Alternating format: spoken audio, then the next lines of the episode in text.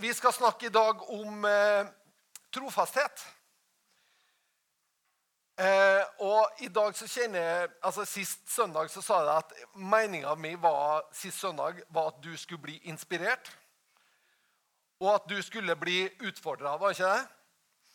Jeg vet ikke om noen ble det. Ja, Noen som er høflig i hvert fall og sier det at eh, jo, det ble det. Jeg ble inspirert og jeg ble utfordra. Trofasthet, det er treningsarenaen for storhet. Trofasthet er treningsarenaen for storhet. Og det er mange ting i det her eh, som vi holder på med, som eh, Hvis vi tenker det vi gjør vi, vi, bygger en kultur, vi bygger et fellesskap, vi bygger en, eh, en stamme, om du vil, av mennesker kollektivt. Altså, Vi er et fellesskap, vi er et fellesskap av troende. Og det er noe av det her fellesskapsbiten som er nettopp det Jesus ønska for å få uttrykke den individuelle, personlige friheten i våre liv. Så det er to ting i, i, i på en måte denne gudsrikestanken. da, så det er to ting. Det er at fellesskapet beriker individet, og individet beriker fellesskapet. Og de to tingene er uatskillelige. Det å på en måte tenke deg at jeg skal leve et, eh, et fullverdig kristent liv uten at det settes i, eh, i, en, i en kontekst der det handler om andre mennesker i tillegg til meg sjøl, det er umulig. Like lite som det er umulig for Gud å være kjærlighet om det ikke fins noen andre å elske. Altså, Det er umulig å leve det kristne livet uten at det skjer i samspill med andre mennesker. Du skjønner at Vi kan være teologiske eksperter og plassere oss sjøl liksom på ei øde øy. Og, og liksom, vi tenker at jeg og Gud, å, det ville vært fullkomment. Men det er noe med det Kristus gjør i oss, som alltid vil ha eh, et utløp i å kunne elske mennesker, i å kunne uttrykkes i forhold til mennesker, og i å kunne vokse og berikes sammen med andre mennesker. Så det kollektive og det individuelle må henge i hop. Ok, Er du med på den? Det, er det en grei kristen tanke? fint. Fint, Så bra, altså. Eh, og så er det jo mye i det kristne Altså Når vi tenker det her fellesskapsbildet, så snakker Bibelen om for at vi alle sammen vi er levende steiner satt i hop til en åndelig bygning. Altså, jeg vet ikke om du, liksom, når, du, når du ser en bygning, så er det ikke sånn at du, du går liksom ikke bort og sier 'Å, for en flott stein'. Du går ikke bort og liksom bare Å, se, det, se betongtypen de har brukt her, liksom. Altså, noen gjør jo det. Jeg har vært, jeg har vært eh, noen år I denne prosessen med bygg så har jeg vært en del sammen med noen arkitekter. Og det er ganske artig når, når vi har vært på omvisninger rundt om på forskjellige plasser, så, så går de fleste videre. da. Mens arkitektene går bort til veggen og kjenner hva en er laga av. Hvordan har de løst det her? Og tar bilder liksom, av ting som eh, vi andre vi, vi, får bare et overblikk over det, og så tenker vi ikke noe mer på det. Men det er noe med ei bygning som på en måte det er ikke, altså I ei bygning så er det ikke den enkelte stein eller den enkelte tingen som står fram som det essensielle, men det er helheten av det du ser. er det ikke? Som avgjør om en bygning er fin, eller om den, den på en måte ikke faller i smak. Og Derfor er det bildet egentlig et godt bilde. Det er et godt bilde fordi at du er en del av en helhet. Og det vesentlige er faktisk ikke at du skinner, og at du framstår. Men det vesentlige er faktisk at helheten framstår som noe som er godt, sunt, og noe som mennesker har lyst å ta del av. Sånn er vi på en måte. Men så på en måte blir det bildet litt sånn merkelig også, fordi at vi skal jo vokse. Det er liksom det å se for seg en murstein som begynner å vokse. Det er, liksom, det er litt sånn eh, problematisk i, i, i, på en måte, i muren, i hvert fall. Så liksom, å, begynner å vokse. Og Derfor så bruker Jesus også et annet bilde. Han bruker at vi er en kropp. At vi er ulike lemmer, ulike funksjoner på en kropp. Men det handler like framt om et fellesskap og en gjensidig avhengighet. Gjør det ikke det? Så det er på en måte det en bruker. Men så handler også det med troa vår veldig mye om vårt personlige forvalterskap. Gjør det ikke? Ditt og mitt forvalterskap. Mange ganger kan man nesten tenke det at Gud legger det til rette for oss. Han legger alt til rette. Alle muligheter fins for oss. I evangeliet så har vi mulighetene. Han har sagt at det er fullbrakt, og han har sagt at det her er fiksa, det er ferdig. Men så er det opp til oss å forvalte det han har gitt oss. Det er opp til oss å ta i bruk det som han har gitt oss, er det ikke det? Vi tillemper det i våre egne liv. Vi gjør på en måte ordet til kjøtt i våre egne liv. Og så ser vi til at det er noe som skjer i våre egne liv. Det er det faktisk ingen i fellesskapet som kan bestemme. Det er noe som du og jeg må bestemme sjøl. Det er noe som vi på en måte er nødt å ta til oss. Så på en måte, selv om vi er satt inn i et fellesskap, så fins det et aspekt i fellesskapet der på en måte Akkurat som, som Peter eh, Peter spør, spør, Jesus Hva med Johannes, da? Hvordan skal jeg gå med Johannes, da? Og så sier Jesus til Peter Følg du meg. Og, den, og den, på en måte, Det spennet må vi ha, for det er noe i det vi gjør sammen, som er kjempeviktig. Men allikevel så handler det om et personlig liv der jeg tar ansvar, du tar ansvar, for at vi hver for oss faktisk følger Jesus. At jeg følger han i mitt liv. Så det er det individuelle. Og motoren, altså den drivende krafta, eller motoren, i all åndelig vekst, er relasjon til Jesus. Det er motoren, det er det som driver oss, det er det som gjør at vi vokser. Det er relasjonen til Jesus og alt det han har gjort for oss. Og så vil jeg også si at en del av motoren er det at vi tar imot den Guds kjærlighet som han har vist oss. Uten at jeg får lov å ta imot Guds kjærlighet, så vil det ikke finnes det en åndelig vokster i mitt liv. Og så står det om samfunnet med Den hellige ånd. Det betyr altså at relasjonen til Jesus og det at Guds kjærlighet får lov å fylle oss mennesker, og at vi ved Den hellige ånd kan ta steg, kan utvikles, kan på en måte få med oss nye ting som han utfordrer oss på, det gjør at vi vokser som individer og i fellesskapet. Ok, Det er den overordna store tanken. Ok, Var det avansert, da? Det går bra? Mm.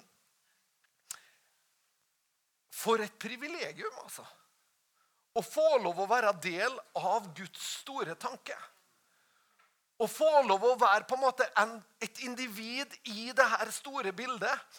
Og ikke bare det at du er et individ, på en måte, for det er jo ikke det altså, Det som er lett at vi ser for oss, det er på en måte noe sånn eh, kommunistisk bilde av at vi, ja, du er bare et individ, du er bare en brikke. du er bare, Eller, eh, eller Pink Floyd, 'Another Brick in the Wall'. Der er du. sant? Men det er ikke det det handler om. Det handler om at du passer perfekt inn sammen med de andre. Sammen med helheten av det som er Kristi kropp. Og ikke bare det at vi gjør det, vi som sitter her i dag, men vi passer sammen med hele Kristi kropp. Og den dagen vi tror at vi er alene i Kristi kropp, da sliter vi faktisk. Og den dagen vi også tror at det er vi som har det, eller vi som har sett det meste, det er vi som på en måte har eh, har eh, liksom det, det, det, det, er riktig bra. Altså, Vi er begeistra over det vi har og det vi er gitt, men allikevel så kan vi berikes av så mange, mange andre. Jeg har tenkt å ta ei historie som Jesus Det er en lignelse som Jesus sier. Og når jeg leser denne lignelsen, så er første første jeg tenker når jeg leser denne lignelsen, det er liksom Hva var det? Har du noen gang tenkt på om noe, noe Jesus sier? Jesus forteller noe, og så bare tenker jeg Hæ? Hva er det her? Og Jeg skal bare ta med deg til Lukasevangeliet, det 16. kapitlet. Og der står det ifra vers Vi kan lese ifra vers 1. Han sa også til disiplene sine det var et menneske som hadde stor rikdom, og han hadde en forvalter over eiendommen. Denne forvalteren ble anklaget for å sløse bort eiendommen hans. Så kalte han forvalteren til seg og sa til ham, 'Hva er det jeg hører om deg?' 'Avlegg regnskap for forvaltningen din, for du kan ikke lenger være forvalter.' Da sa forvalteren til seg selv, 'Hva skal jeg gjøre, for min herre tar forvaltningen fra meg?' 'Jeg orker ikke å, grave. Jeg skammer meg over å tigge.' 'Nå vet jeg hva jeg skal gjøre, for at folk skal ta imot meg i husene sine,' 'også når jeg, jeg er fratatt forvaltningen.' Så kalte han til seg hver enkelt av dem som sto i gjeld til hans herre, og sa til den første, 'Hvor mye skylder du, min herre?' Han sa 100, fat olje, 100 eh, batt olje. Ikke fat, det er jo norsk. 100 batt olje. Og han sa til ham, 'Ta regningen din og skynd deg og skriv 50.' Så sa han til en annen, 'Hvor mye skylder du?' Og han sa, 100 kor hvete. Og han sa til ham, 'Ta regningen din og skriv 80.' Så roste Hans Herre den urettferdige forvalteren fordi han hadde handlet klokt. For denne, eh, denne verdens barn er klokere overfor slekten sin enn lysets barn. Bare la meg stoppe der. Her er Welcome to church. Altså, liksom, Hvorfor Jesus, hvorfor drar du det her inn, liksom? Altså, Hvor mange er det jeg kjenner liksom, som driver med eiendomsforvaltning? Eller eh, hvor mange venner har du liksom, som er fondsforvaltere? Opp med ei hånd. Nei, Jesus, hvorfor drar du inn en lignelse som er helt uten relevans for oss? Hva, hva, hva er det du ønsker å si oss? Er det her, er det her viktig? Hvor mange av oss liksom som har Ja, nei, det her, det her er bare i tilfelle du noen gang kommer borti det at du må forvalte stor rikdom. sant? Så bare nevner jeg det. Ikke sant? Og så er det liksom What? Eller er det noe han vil si til oss? I og med at det er som spør, så er det jo selvfølgelig det. Ellers har jeg ikke våga å ta med teksten i dag. sant? Vært, nei, det, nei vi, vi, var enige om det, at det var ingenting han ønska å si oss. Jo, for det som vi var enige om i stad, det er at veldig mye av det kristne livet faktisk handler om forvaltning. Gjør det ikke det? Det handler om at du og jeg er satt som forvaltere. Og vi er faktisk satt som forvaltere av stor rikdom. Stor rikdom det er potensialet i hvert enkelt menneskes liv. Det som er nedlagt og bor i ditt og mitt liv, er faktisk stor rikdom. Det er stor rikdom på utrolig mange måter, egentlig. Det er stor rikdom det du kan skape i dag, eller det som skapes bare når man ser eh, Ellie Joy springe her etter, etter Noah med Isak der. Så representerer det plutselig også ei etterslekt og slekt etter slekt etter slekt. Så det er en stor rikdom. En stor rikdom er også på en måte hva du og jeg velger å gjøre ut av livet vår. om du og jeg velger å sette et preg med våre liv. Vi forvalter stor rikdom. Og nå snakka Jesus veldig tydelig om en urettferdig måte å gjøre det på. Men han ønsker likevel at vi skal vekke sånn at vi tenker ok, hvordan kan vi gjøre det her da på en god måte? Han roser han her som i hvert fall bruker sine evner da, og det som er i hans sin makt, for å gjøre det beste ut av det. Og så kommer det som virkelig utfordrer oss, i de neste versene fra vers 9. Jeg sier dere, skaff dere venner ved hjelp av den urettferdige mammon, så de kan ta imot dere i de evige boliger. Når dere mislykkes Halleluja! Hvilken tekst, altså! Det er Nei vel. OK. Sant? Den som er trofast i smått, er også trofast i stort. Den som er urettferdig i smått, er også urettferdig i stort. Men hvis, hvis dere ikke har vært trofast med den urettferdige mammon, hvem vil da overlate dere de sanne verdier? Hvis dere ikke har vært trofast i det som tilhører en annen, hvem vil da gi dere noe som skal være deres eget? Ingen kan tjene to herrer, for enten vil han hate den ene og elske den andre, eller være trofast mot den ene og forakte den andre. Dere kan ikke tjene både Gud og mammon. Mammon er da et eh, bibelsk begrep for penge.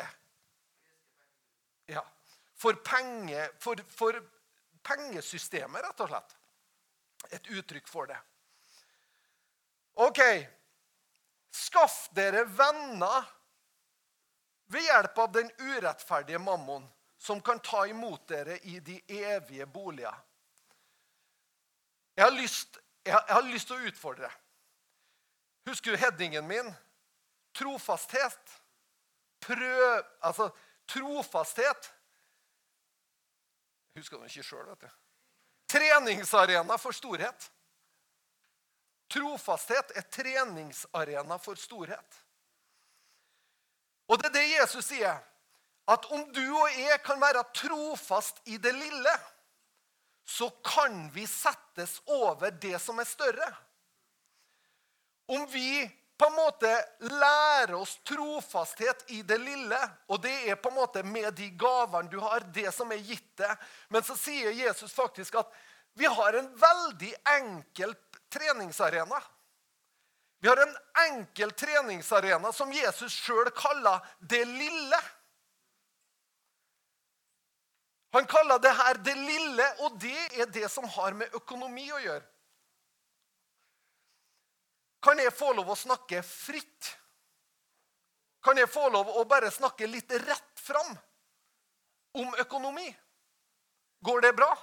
som en viktig treningsarena for det og meg. For det er nettopp det Jesus gjør. Han sier at 'skaff dere venner ved hjelp av den urettferdige mammon', dvs. Si penger. Det kan du bruke til å skaffe deg venner, ikke for å kjøpe deg venner. Men jeg skal ta inn et annet perspektiv. Ikke for at du liksom, da skal du liksom begynne å kjøpe deg venner. Er det det han mener? Nei, han snakker om noe om de evige boliger. Hva er det? Det er himmelen, er det ikke? Fins det ting du kan gjøre med dine penger her i dag som gjør at du skaffer deg venner i himmelen?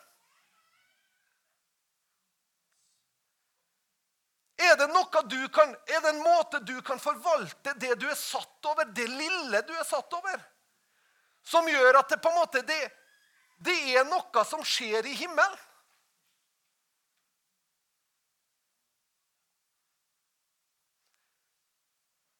som gjør at du har venner i de evige boliger. Det er spesielt. Dette er en veldig spesiell tanke. ikke?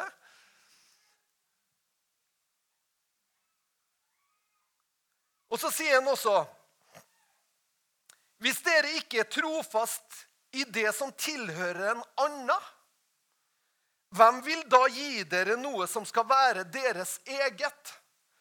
Du skjønner at Den himmelske økonomien vet du hva det er? Den himmelske økonomien er at alt er oss gitt. Vi har fått alt. Vi har fått livet, men vi har fått det til forvaltning. Derfor så snakker Bibelen om at livet vår, alt vi er, alt vi driver med, det er på en måte ikke, det tilhører ikke meg sjøl. Og det er den himmelske forvaltninga. Det at det er gitt meg, men jeg er allikevel bare en forvalter. Det vil si at jeg på en måte, det blir betrodd meg, men hva jeg gjør med det, avgjør på en måte om det vil føre til noe større i livet mitt. For det er en annen det tilhører faktisk ikke meg. Men det er Gud mitt liv tilhører. Jeg lever mitt liv innenfor Han. Hva står det? I Han er det vi lever og rører oss og er til. Det er en utfordrende tanke. Det er en kjempeutfordrende tanke hvis jeg skal tenke det at vet du nå, Hvis du går hjem etter i dag og så sier du til Herren Kontoen min hører det til. Nei, det tør jeg ikke å gjøre. For da blir jeg noe blakk. Jaha. Det er ikke det Bibelen sier. Den sier at da kan du bli satt over større. Er ikke det vi akkurat lest? Hvis vi går hjem og så sier vet du noe, Annika, jeg var på et kristenmøte i dag og kjente at kontoen vår hører Herren til. Vent, Vent, vent, vent, vent, vent. For det ligger noe i oss som tenker det at vet noe, vi er nok de beste forvalterne av vårt eget liv. Og vi har nok best kontroll når vi holder fast ved kontrollen. Ikke sant? Men det er ikke det Bibelen sier. Han sier hvis du klarer i det her lille å være trofast om du klarer, Hva er det trofast? Altså det er liksom herlig hvis det, menigheten får, får en sånn ja, en telefon, da. Så sier noen sånn ja, ja, 'Hallo, du. Der, der, det er Olsen her.' Jeg kjenner det at jeg skal gi en million til eh, menigheten. Og så tenker jeg wow! Han ga en million til menigheten. Og så veit jeg at det sitter folk i rommet som har gjort det. Det sitter folk i rommet som har gjort det. Ikke i en sum eller i en slant. eller... Men det fins folk i rommet her som har forvalta måned etter måned, år etter år. Og har båret inn tienden til forrådskammeret. Som har sett at det fins mat i huset her. Det fins folk her som, som, på en måte bare år etter år bare har bestemt seg. Jeg er trofast i det her. Dette er faktisk noe som Gud utfordrer. Jeg trenger ikke å kjenne etter liksom, når jeg får lønninga mi. Jeg lurer på, kjære Gud, vil du at jeg skal bringe inn tiende forrådskammeret denne måneden nå? Eller er det å, du er litt bekymra for regningene mine, du òg? Ja, Gud, jeg skjønner det. Ja, men da tar vi hånd om dem. Altså, Det skjer noe når vi bare bestemmer oss. vet du, Det er sterkere at et folk bestemmer seg for vet du, Vi går for trofasthet, for å bygge Guds rike, enn at liksom vi skal få noe Å, vi leter etter hvordan kan vi snakke sånn at han millionæren der kjenner det som vi kjenner at han burde kjent, for da kjenner jo han det at han skulle gi oss det. Sant? Hvor sterkt er det? Vet du noe? Det, altså, klart det er velkomment. Men det er noe som er mye sterkere hvis du og jeg reiser oss som bevisste forvaltere av det vi er satt over. Hvorfor er det det? Er det sterkere? Jo, fordi at hvis, det, hvis vi kan si det sånn at hvis det huset er fullt av forvaltere som våger å ta Guds ord på alvor, vet du hva som skjer da? Da blir det her huset velsigna. Da er det sånn at plutselig så sitter For det er ikke sånn liksom, ja, nå har han gitt liksom, nå er hele gjengen er blakk, liksom, for at nå alle ga. Nå er det, nei, nå er det kjørt. Det er ikke mer å hente. Nei, Hva er det som begynner å skje da når vi forvalter? Jo, det står at han setter oss over større ting. Det betyr at vet du, når du og jeg trener oss i det lille, vær trofast måned etter måned bare Bare putter det på, liksom. Og sett vår lit til Gud hver måned når jeg får lønninga mi. Første jeg gjør, vet du hva det er? Første jeg gjør, er å betale tiende. Og det ligger en sånn automatikk at det gjør ikke vondt om beløpet er større heller. Det gjør ikke vondt når jeg, når, når jeg får mulighet til noe, og så får jeg en stor sum. Sant? Og så er du trent i det. Stor sum, liten sum. Tiende inn. Hva er det som skjer da? Så begynner velsignelsen. Så begynner den å skape rommet. Det fins et parallelt skriftsted til det her. Der snakka også Gud om at folket forsynte seg av noe som ikke tilhørte dem. Det vil si at noe som ikke er deres sitt. I Malakias 3 så sier Bibelen det at Gud sier dere røver ifra meg. Står ikke? Dere røver ifra meg. Hva vi røver? For vi har ikke røva noe ifra det. Jo, de har røva tienden og offergaveren. Røv Ja, men ja, Nå er jeg faktisk uenig, altså. For at nå altså, røv, Det er min konto! Det er min lønn!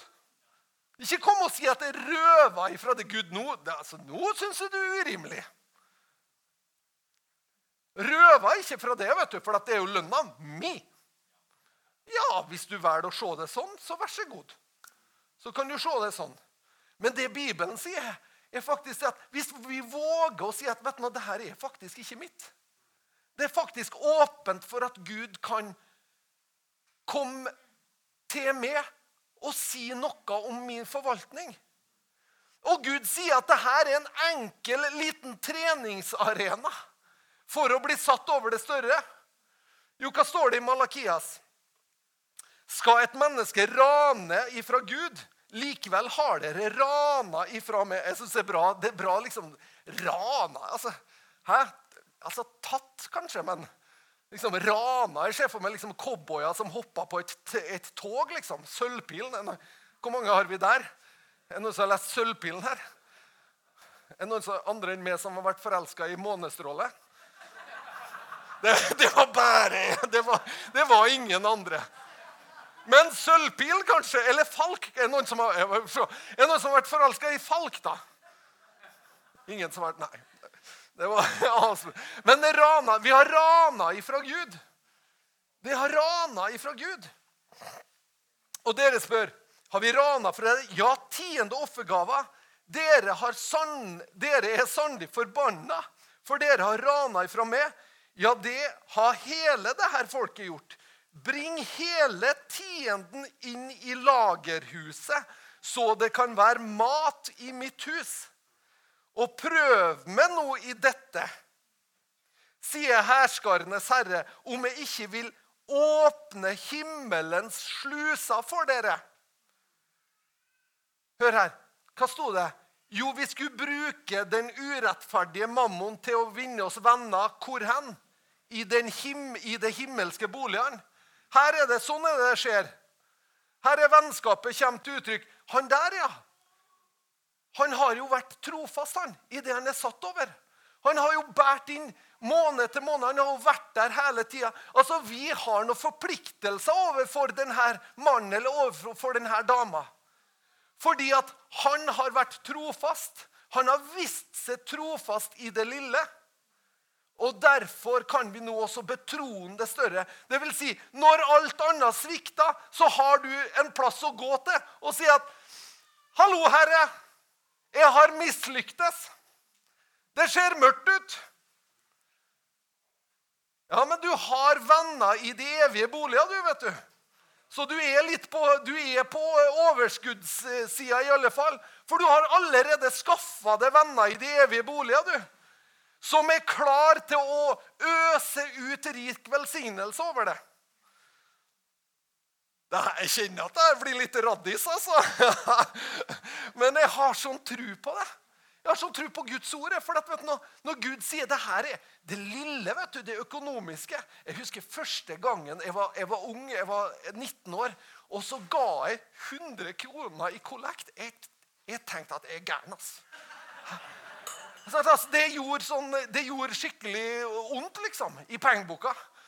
Og jeg tenkte å kjære, og jeg så hamburgeren forsvant. liksom. Jeg, sant?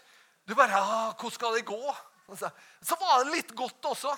Og, så, og var et, Jeg var på en konferanse på Oppdal, da, på ungdomskonferanse. Og så, og så blir det, og da tar var på formiddagen, og på kveldsmøtet så, så ga jeg 100 til! Hæ? Og jeg bare Yes! Sånn. Fordi at det var noe godt med det, og liksom det å kjenne det at Hva er det, Gud? Om det står at vi skal bruke den urettferdige mammon, eller vi skal forvalte det vi er satt over, på en sånn måte Hvordan kan dette være en treningsarena? Jo, vet du hvorfor? Fordi at økonomi er så tett knytta opp imot tillit. Hva er det de aller fleste Hvorfor, hvorfor, vil, vi, hvorfor vil vi vil vinne en million liksom, i Lotto? Er det noen som har noe imot det? De aller fleste lottomillionærer er bankrupt etter noen få år etterpå. Hvorfor da? For det, ikke, det, det, er ikke den bibelske måten å gjøre det på. For står, Hva står det om, om lettvunnet rikdom? Hva står det om den? Han gjør seg vinger, står det. Easy come, easy go. Liksom, å, Nå er liksom framtida sikra. Nei, det er ikke der du sikrer framtida. Den sikrer du i trofast forvaltning av det lille. Av det som tilhører en annen. Tenk hvis vi våger å tenke at min økonomi eller det jeg forvalter, det tilhører faktisk ikke meg. Det tilhører deg, Gud. Og jeg får lov bare å kanalisere. Og så må jeg da gjøre det som en klok forvalter. Prøv meg på denne måten om jeg ikke skal åpne himmelens sluser for dere. Øse ut en slik velsignelse for dere at det ikke er rom nok til å ta imot den. Jeg skal true den fortærende gresshoppa for deres skyld, så den ikke ødelegger jordens grøde for dere. Vintre på marka skal ikke mangle frukt for dere, sier herskarenes herre. Alle folkeslag skal prise dere salig, for dere skal være et herlig land, sier herskarenes herre. Økonomien vår er knytta til tryggheten vår. Hvorfor kunne vi alle tenkt oss og vunnet en million i Lotto? Jo, fordi at vi tenker at da hadde framtida vært sikra.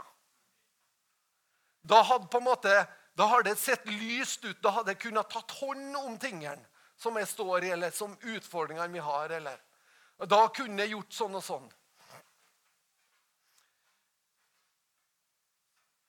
Så det er knyttet, økonomi er knytta opp imot tillit og trygghet.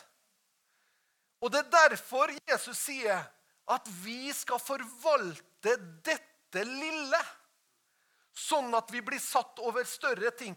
Sånn at han kan betro oss større ting.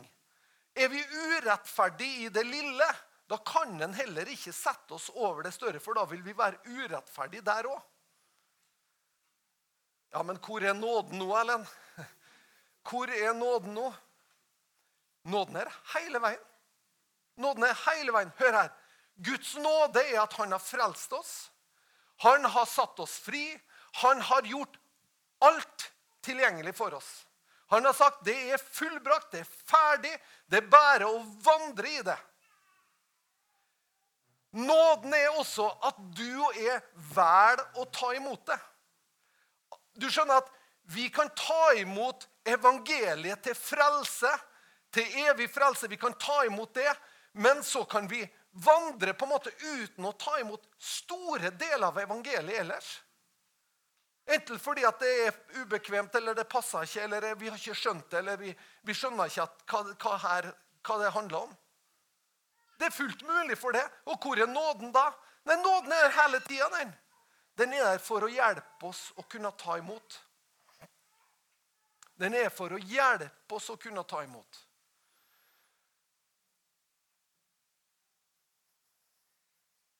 Det å innøve en vane. Det står at det er godt for en mann å bære et åk i sin ungdom. Det er godt for ei dame òg. Det er godt å ta ansvar når man er ung.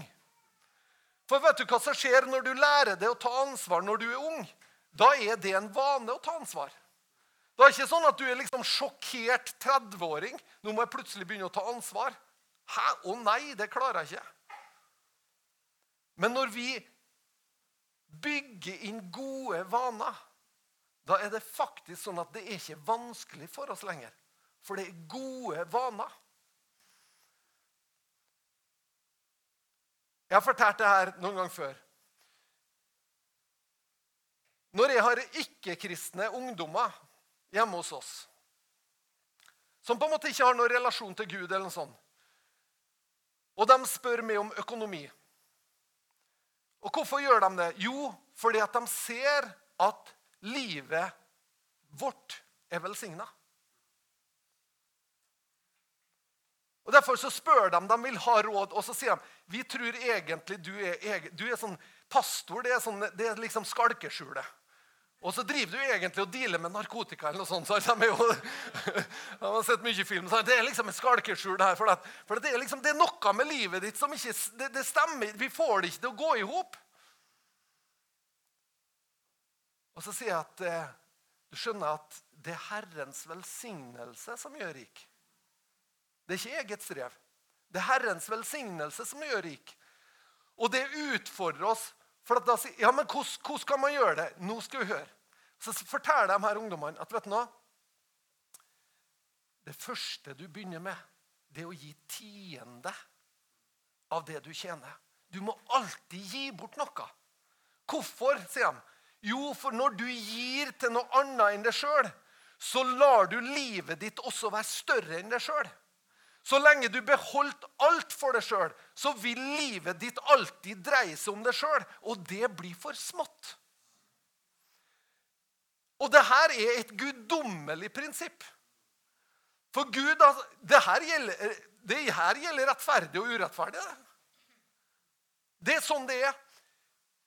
Og så kommer de her ungdommene tilbake, og så har de hørt en stor life coach eller et eller annet som sier akkurat det samme.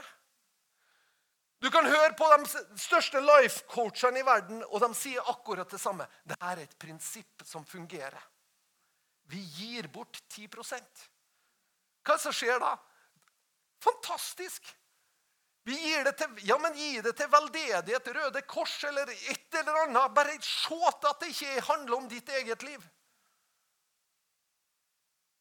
For det er Guds prinsipper for liv og velsignelse. Det er faktisk sånn at Folk som ikke tror på Gud, kan nyte godt av Guds prinsipper. Tror du på det? De kan nyte kjempegodt av det.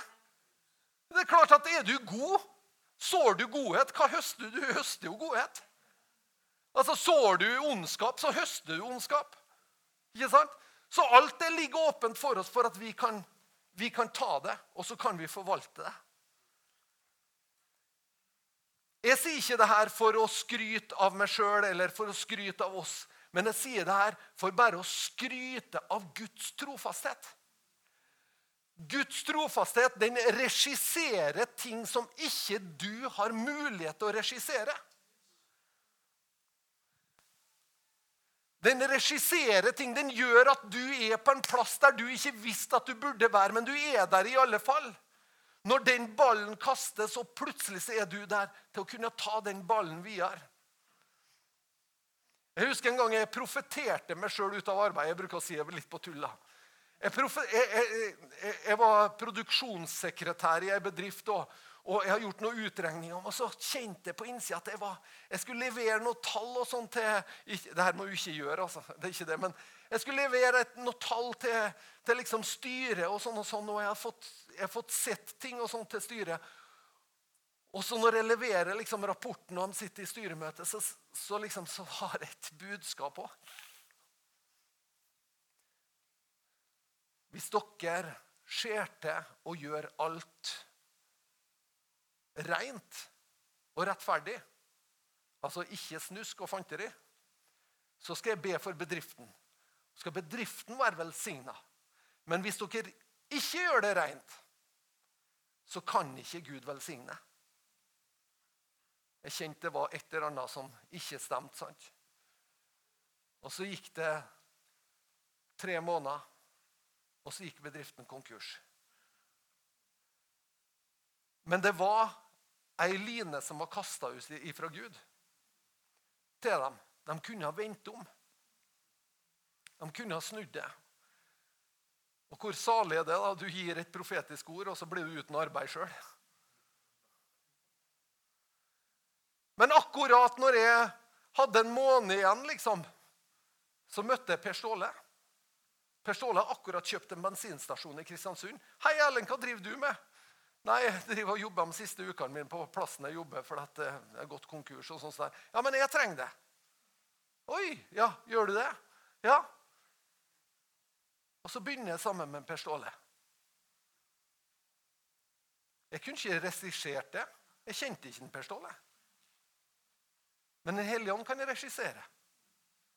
Den hellige ånd kan regissere. Den hellige ånd kan hjelpe deg sånn at du er på rett plass. Sånn at du får innsikt i ting du trenger å ha innsikt i.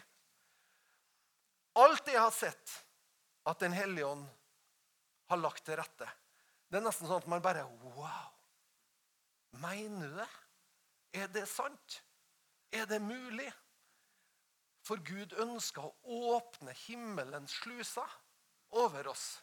Han ønsker Og det er ikke noe liksom ja, på, ja, på fredag så, så, gjorde jeg noe rett, og på søndag så small lottokupongen inn. liksom. Og det er ofte Vi har på en måte litt sånne skyhøye forventninger mange ganger. Men hva Bibelen sier, faktisk at vi, vi bygger stein på stein. Vi bygger, vi bygger, på en måte den ene tingen på den andre. Vi blir satt over noe. så så, så, er vi trofast der, og så settes vi over større. Men det, det, er på en måte alltid en vokster i Guds rike. Det er alltid på en måte en sånn, Jeg begynner her, og så fortsetter jeg å være trofast. Og så fortsetter jeg å være trofast, og så fortsetter jeg å være trofast. Det er liksom ikke bam! Så var kontoen full, eller Det handler om at vet du, vi jobber. Vi, vi, vi står opp hver morgen, vi. Og så gjør vi noe godt. Og så går vi og legger oss, og neste dag så står vi opp da og gjør noe godt og forvalte livet vår.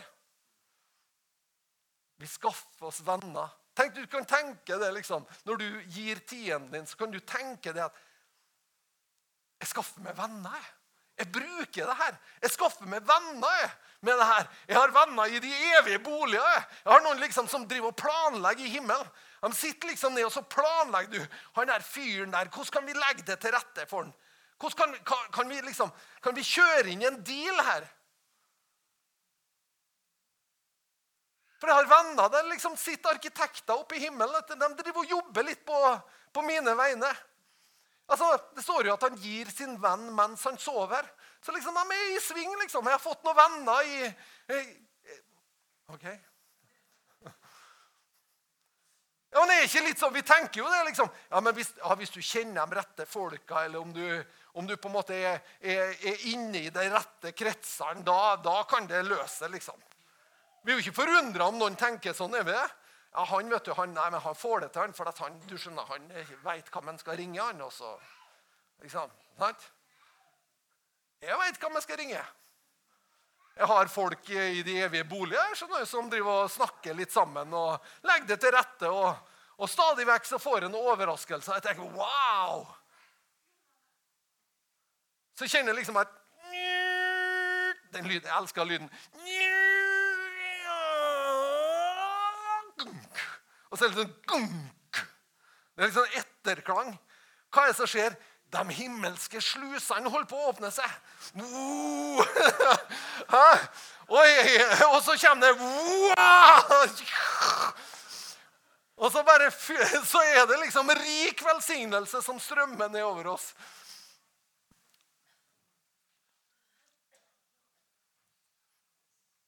Det er noen som jobber på våre vegne. Det er noen som jobber på våre vegne for å bringe liv og velsignelse til oss. Og vårt forvalterskap, vår trofasthet, er vår treningsarena for den storheten som Gud har foran oss. Hør her. Vi kan velge. Jeg kan velge med mitt liv og si at Gud, OK, jeg kommer på søndag. That's it. Eller så er jeg sjef sjøl. Eller så er det jeg som er sjefen. Men jeg skal komme på søndag. Jeg skal være en fin kristen. Men ligg unna kontoen min. For alt i verden. Så ligg unna kontoen. Ikke begynn å snakke til meg liksom, om at jeg skal gi noe til en misjonær der eller der. Nei, det, altså, nå, nå, er det Ikke begynn å utfordre meg på sånne ting. Da, nei, da. da Gud, da kommer jeg ikke, altså. Hvis du begynner sånn. Ja, vi, nei, da melder jeg meg inn i bridgeklubben isteden. Og vi begrenser oss sjøl. Åh, vi begrenser oss sjøl. Vi bare snevrer inn, og så begrenser vi oss sjøl. Med å tenke det at det beste jeg kan gjøre, det er å ha på en måte hånd om det sjøl. Begrenser vi oss.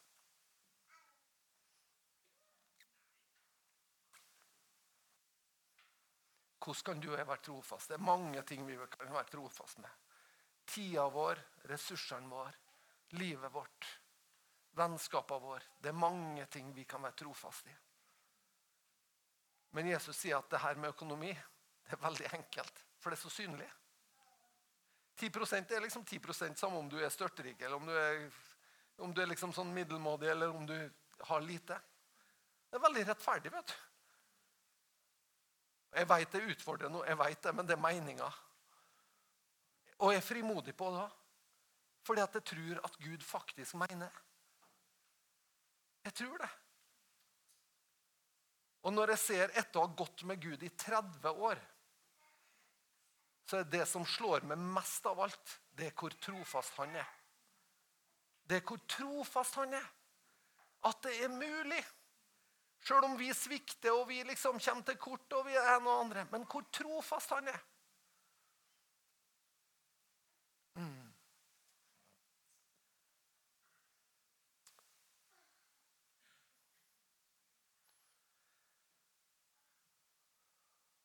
Jeg tror Gud ønsker å se et velsigna folk. Ikke bare at det er noen få som er velsigna, men at det er et velsigna folk.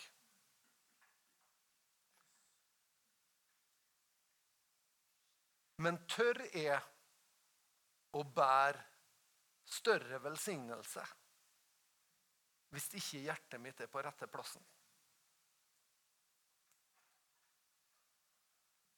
Hvis ikke mitt eget hjerte er på rette plassen, hvis ikke mitt eget forvalterskap er på rette plassen, tør jeg å bære større velsignelse?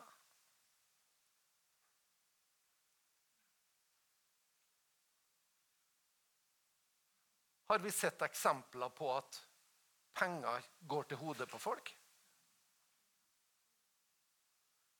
Du skjønner at Hvis hjertet vårt ikke er på rette plass, så kan vi ikke stole på oss sjøl. Vi kan ikke det.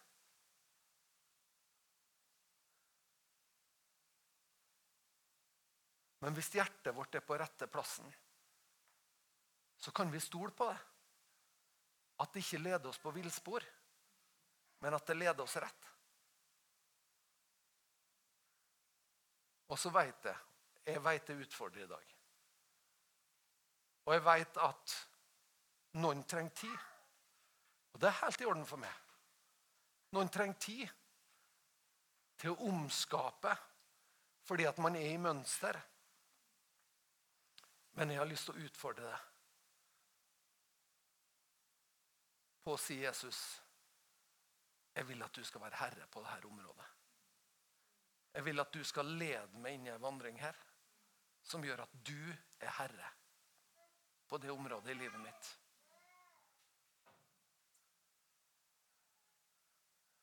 Så lar han storhet komme når det er tid for det. Så lar han storheten komme når du har vist trofasthet i det lille, så gir han deg andre verdier også du kan forvalte når du er trofast i det her.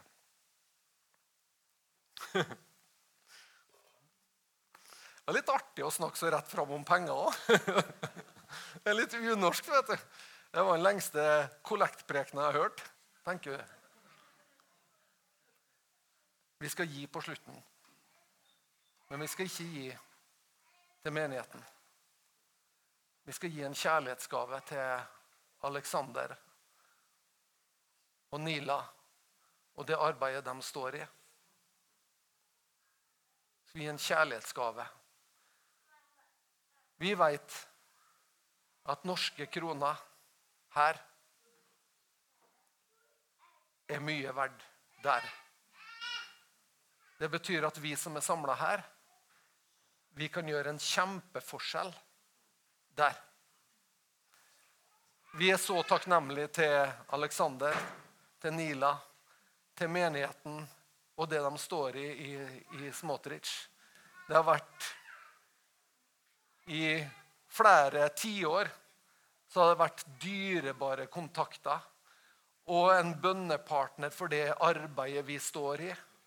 De ber for oss inderlig, hjertelig, står med oss i det vi holder på med. Vi er så takknemlige. Og vi kjenner oss så berika hver gang de kommer og er sammen med oss. Jeg har lyst til at vi skal gi en kjærlighetsgave ifra oss til dem. At vi kan forvalte noe av vårt for å være med å gi til dem.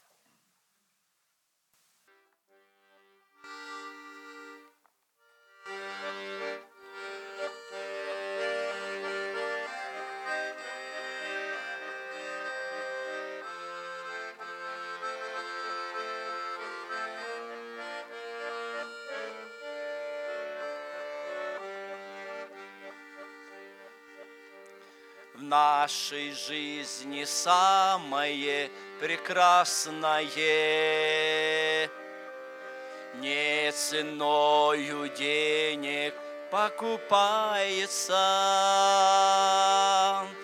даром в солнце светит в небе ясное, и луна нам даром улыбается даром на распаханные полосы льется дождь со щедростью обильною. Даром ветер гладит мои волосы,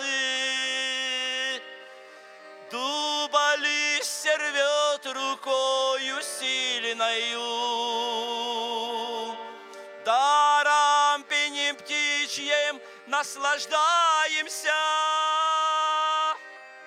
Зорями, восходами, закатами, близкими, любимыми встречаемся.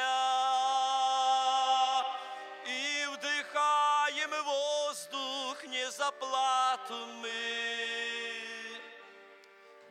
всего дороже, драгоценнее. Нам в подарок Богом преподнесена в Иисусе вечное спасение. Поднимай и улыбайся весело. Посмотри, как он к тебе склоняется, и пойми, что как свет солнца ясного не ценою денег покупается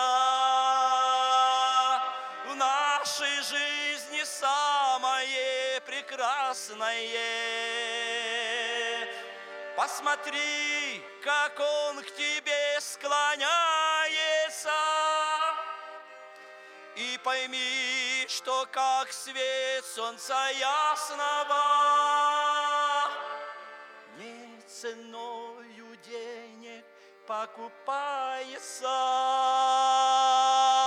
В нашей жизни самое прекрасное.